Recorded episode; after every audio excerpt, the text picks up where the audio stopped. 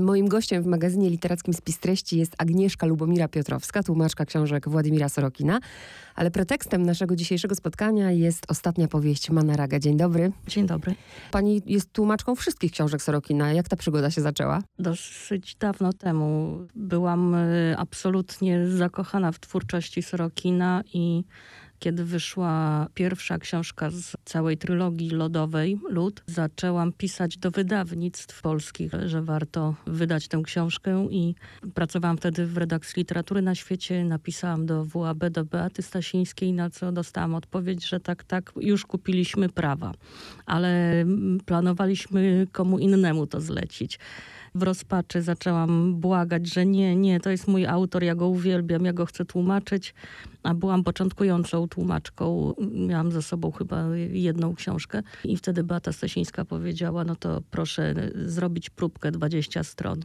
Zrobiłam, wysłałam i dostałam odpowiedź. Dobrze, to pani będzie to tłumaczyć. Czyli można powiedzieć, że Sorokin podwójnie pani powinien być wdzięczny, bo nie tylko znamy dzięki pani tłumaczeniom, ale w ogóle, że jakby pani się tym zajęła od początku. A zna pani osobiście autora? Tak. Jaki jest? Wspaniały. jest fantastycznym człowiekiem, bardzo ciepłym, bardzo wrażliwym też bardzo wrażliwym na sytuację polityczną. Od paru lat już mieszka w Berlinie. Jeden z tych najwybitniejszych y, pisarzy współczesnej Rosji. Jedni się zachwycają, drudzy krytykują. Czy to można tak powiedzieć, że on musiał uciekać z Moskwy? Czuł taką gęstniejącą atmosferę w kraju i najpierw się przeniósł pod Moskwę, sprzedał mieszkanie moskiewskie, bo, bo stwierdził, że już ma dosyć tego miasta, a, a później przeniósł się już w ogóle do Berlina, ale pamiętam taki moment, bo, bo byliśmy wtedy wtedy razem na festiwalu na Uralu, kiedy Putin ogłosił, że będzie kandydować na prezydenta po raz kolejny i wtedy Sorokin wyjechał na trzy dni z tego festiwalu dwutygodniowego i po powrocie powiedział, no to ja już sobie kupiłem mieszkanie w Berlinie. To też szczęście, myślę, rozmawiam z wieloma tłumaczami i nie każdy ma to szczęście znać autora. Rzeczywiście, ja mam takie szczęście, że, że wszystkich żyjących autorów i prozaików i dramatopisarzy znam osobiście co też y, ułatwia mi pracę, bo mogę jeszcze głębiej wejść w tekst, y, znając ich, znając ich poglądy, znając ich życie. Też w każdej chwili mogę z nimi porozmawiać, zapytać o jakieś mm, miejsca, co do których jestem niepewna. Czytam naprawdę dużo, ale przyznam też uczciwie, że tak głośno nie śmiałam się przy czytaniu książki. Chyba ostatni raz tak głośno, co się śmiałam przy powieściach uniwersyteckich Davida Lodge'a.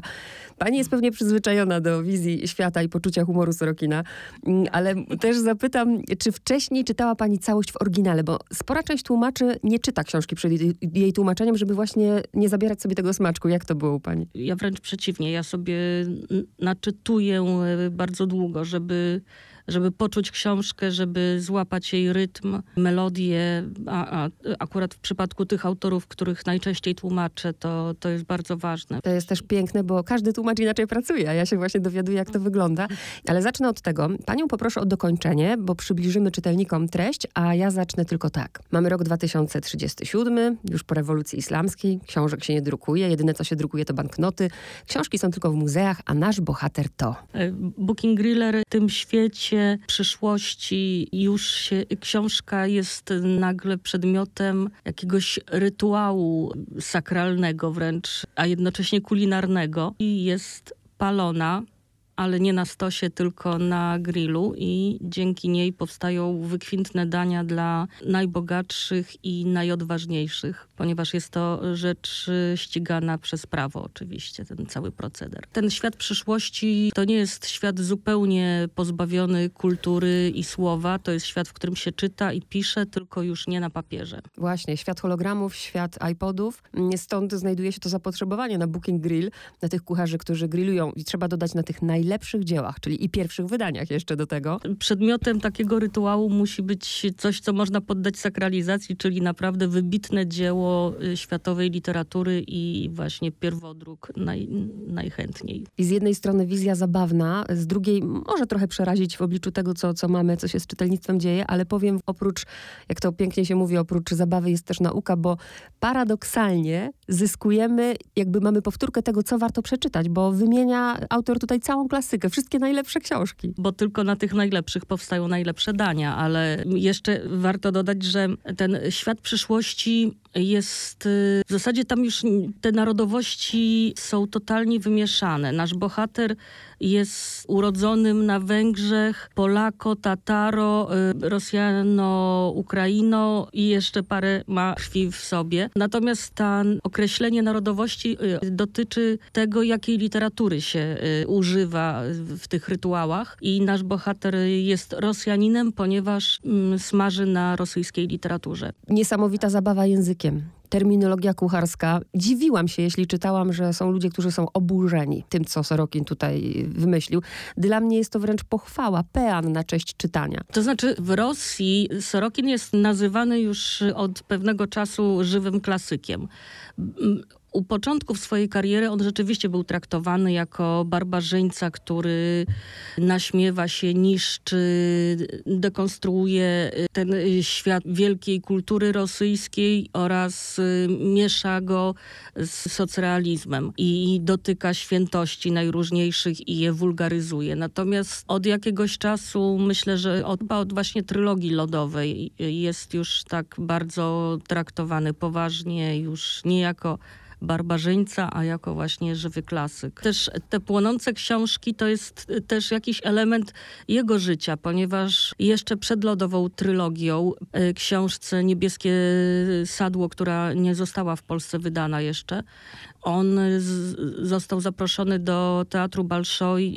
i, pisał libretto do opery współczesnej i po tym, po premierze takie młode bojówki ówczesne proputinowskie zebrały się pod Teatrem Balszoj i y, ustawili tam sedes i w tym sedesie palili książki Sorokina. Ci, którzy też czytali Dzień Oprycznika, to już ten temat jakby nie jest dla nich nowy. No i powiedzmy jeszcze o samym tym akcie y, palenia, bo to, bo to nie jest tylko po prostu, że sobie podpalamy książkę i smażymy na niej. Nie, nie, właśnie y, to, to jest cały rytuał tego kościoła literaturocentrycznego. Biesiadnicy zasiadają przy stole, a Booking Griller wykłada ten pierwodruk na tacy, przechadza się wokół wszystkich biesiadników, każdemu pokazuje to dzieło. Ma też y, specjalne przyrządy, które później książka właśnie y, zostaje złożona na grillu i specjalnymi przyrządami on y, podpala tę książkę i później przewraca poszczególne kartki, które jedna od drugiej się zapalają. Może też, też przywołać takie skojarzenia, zresztą też takie miałam, myślę, że u wielu się pojawią,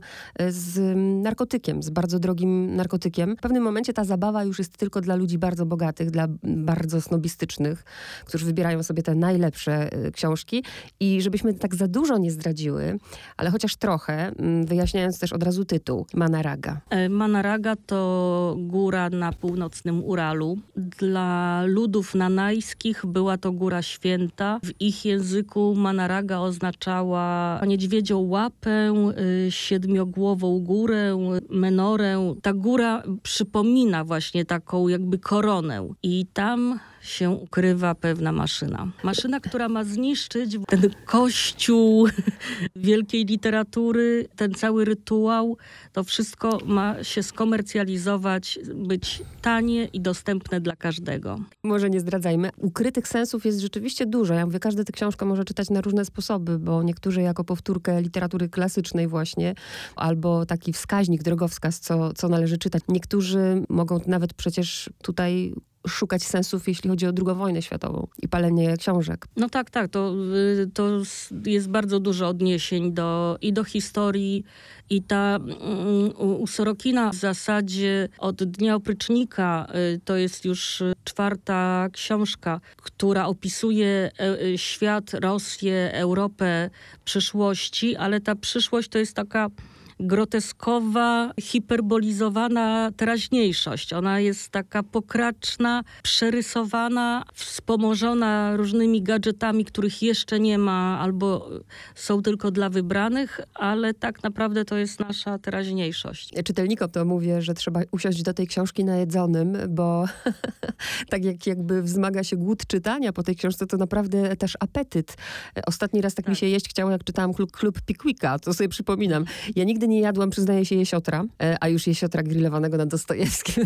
I tak sobie myślę, ponieważ Manaraga, nie boję się użyć tego słowa i dlatego też polecam tę książkę, jest naprawdę najwyższej jakości. Wymyślmy, co byśmy mogły usmażyć na niej. Bliny z kawiorem. Ło, to rzeczywiście, rzeczywiście wysublimowane. Schłodzona wódka. Manaraga jest naprawdę, jest to e, absolutnie literatura dla każdego i można ją czytać na wielu poziomach, a przede wszystkim jest e, no, też bardzo zabawna, więc jest to naprawdę bardzo przyjemny czas spędzony z Sorokinem i jego światem. To prawda, bardzo pani dziękuję za rozmowę. Bardzo dziękuję.